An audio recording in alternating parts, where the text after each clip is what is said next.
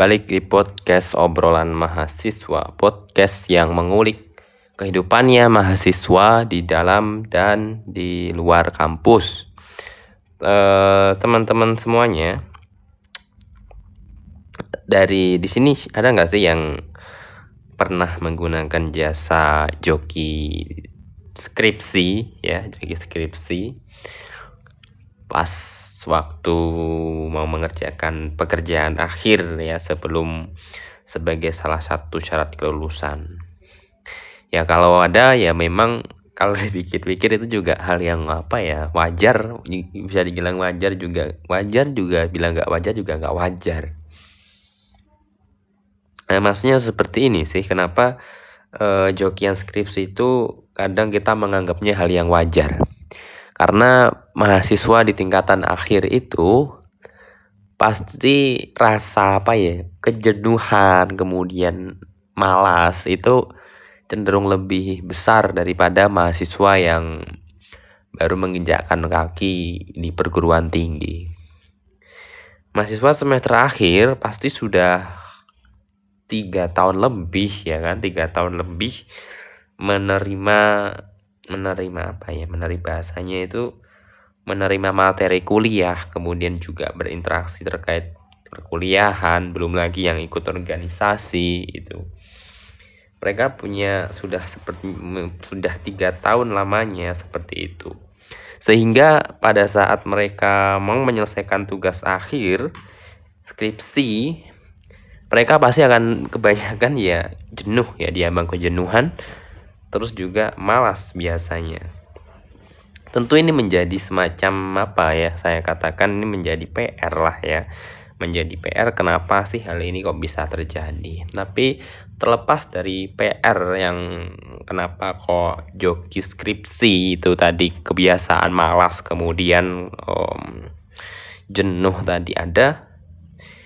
Sebenarnya kenapa saya katakan tadi kan wajar ya karena itu tadi pada saat kita malas kemudian kita jenuh sedangkan di sisi lain kita juga harus tetap lulus kuliah pasti kita mencari jalan pintas ya.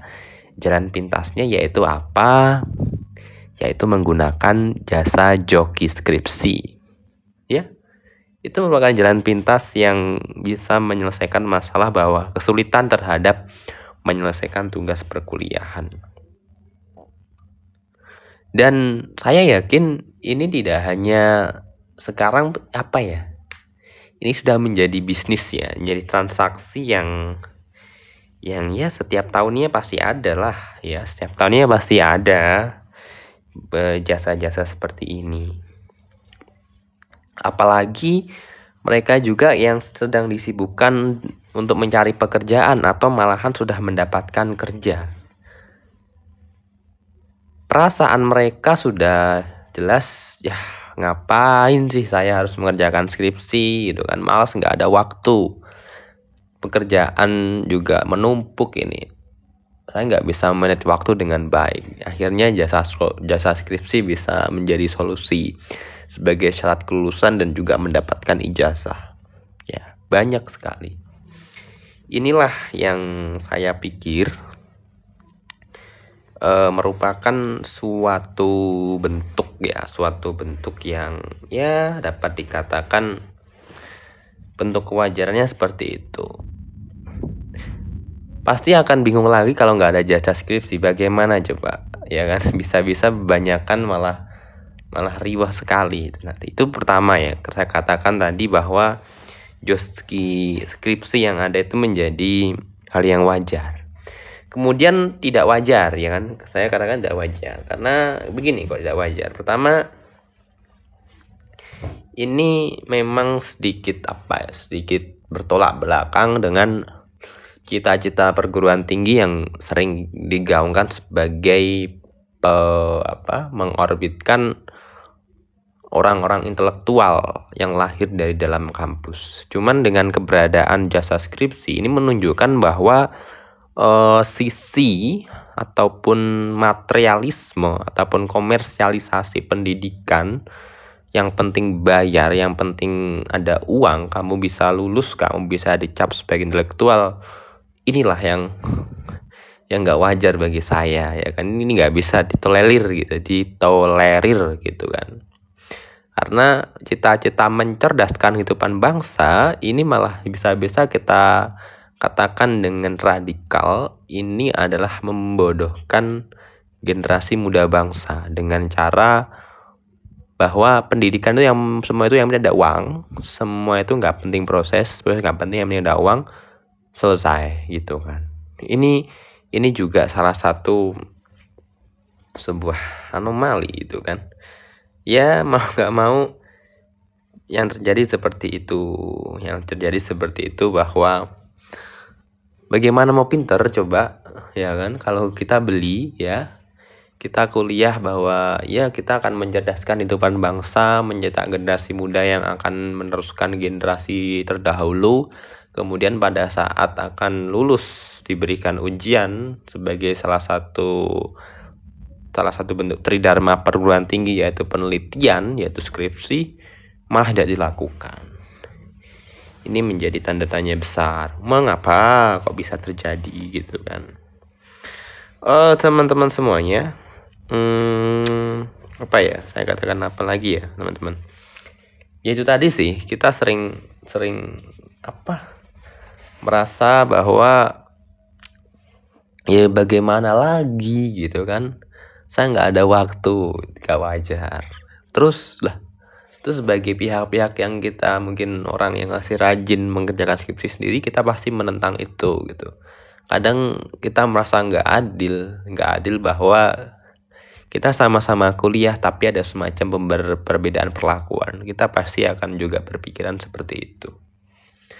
Terus kalau kita berbicara sebenarnya solusi apa sih yang bisa ditawarkan agar um, hal seperti ini joki skripsi kemudian juga praktek-praktek yang bisa dikatakan tidak bisa mencerdaskan hidupan bangsa itu dapat hilang. Itu bagaimana sih gitu? Ya kalau menurut saya ya ini juga harus ada semacam kalau ibarat reformasi ya ini bisa dikatakan reformasi pendidikan ataupun tahapan di perguruan tinggi bisa saja seperti halnya ujian nasional di tingkatan sekolah tingkatan sekolah ya sekolah dasar sampai sekolah menengah atas. Ujian nasional dihapus.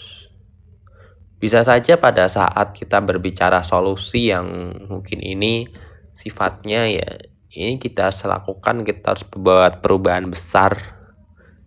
Ya kita skrip skripsi dihapus skripsi dihapus kalau itu kita sering mendengar bahwa ujian nasional itu rasanya nggak adil gitu. Bagaimana mungkin nasib seorang siswa hanya ditentukan oleh tiga hari sedangkan proses-proses terdahulunya semasa dia bersekolah ya pada mungkin kita ambil contoh di SMP 3 tahun hanya dinilai dari tiga hari. Kan nggak adil rasanya ya. Begitu juga banyak sekali dulu oh mahasiswa kok mahasiswa ya? Siswa yang sampai gantung diri gara-gara merasakan stres yang dialami pada saat menghadapi ujian nasional. Ini kan juga salah satu menjadi evaluasi evaluasi. Kemudian ujian nasional sampai dihapuskan. Mungkin hal yang sama juga bisa diterapkan pada skripsi penelitian akhir ini.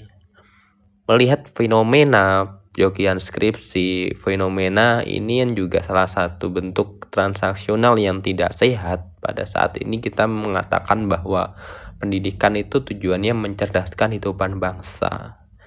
Perubahan sistem lah gitu kan, skripsi mungkin dihapus, skripsi dihapus, Mungkin ada cara lain yang bisa digunakan untuk mengganti skripsi. Bisa saja masa perkuliahan sejak semester 1 sampai semester 8 misalnya itu bisa dijadikan acuan sebagai bahan untuk menentukan siswa yang bersangkutan itu lulus atau tidak. Ini bisa dijadikan cara yang pas daripada kita hanya menilai hanya dari skripsi atau mungkin dulu ujian nasional masih ada dari tiga hari pelaksanaan ujian nasional. Kan gak adil sama sekali. Itu teman-teman. Ya mungkin itu sih ya kalau saya bisa kalau bisa kita tawarannya gimana sih? Biar nggak ada praktik joki skripsi biar pendidikan kita untuk mencerdaskan kehidupan bangsa itu bener-bener real ada gitu loh. Skripsi dihapus. Selesai pak ya kan? Nggak ada lagi joki skripsi. Mungkin joki joki joki tugas masih ada lah ya. Joki joki tugas hari-hari masih ada tapi joki skripsi yang nominalnya besar nggak ada gitu teman-teman. Oke bye bye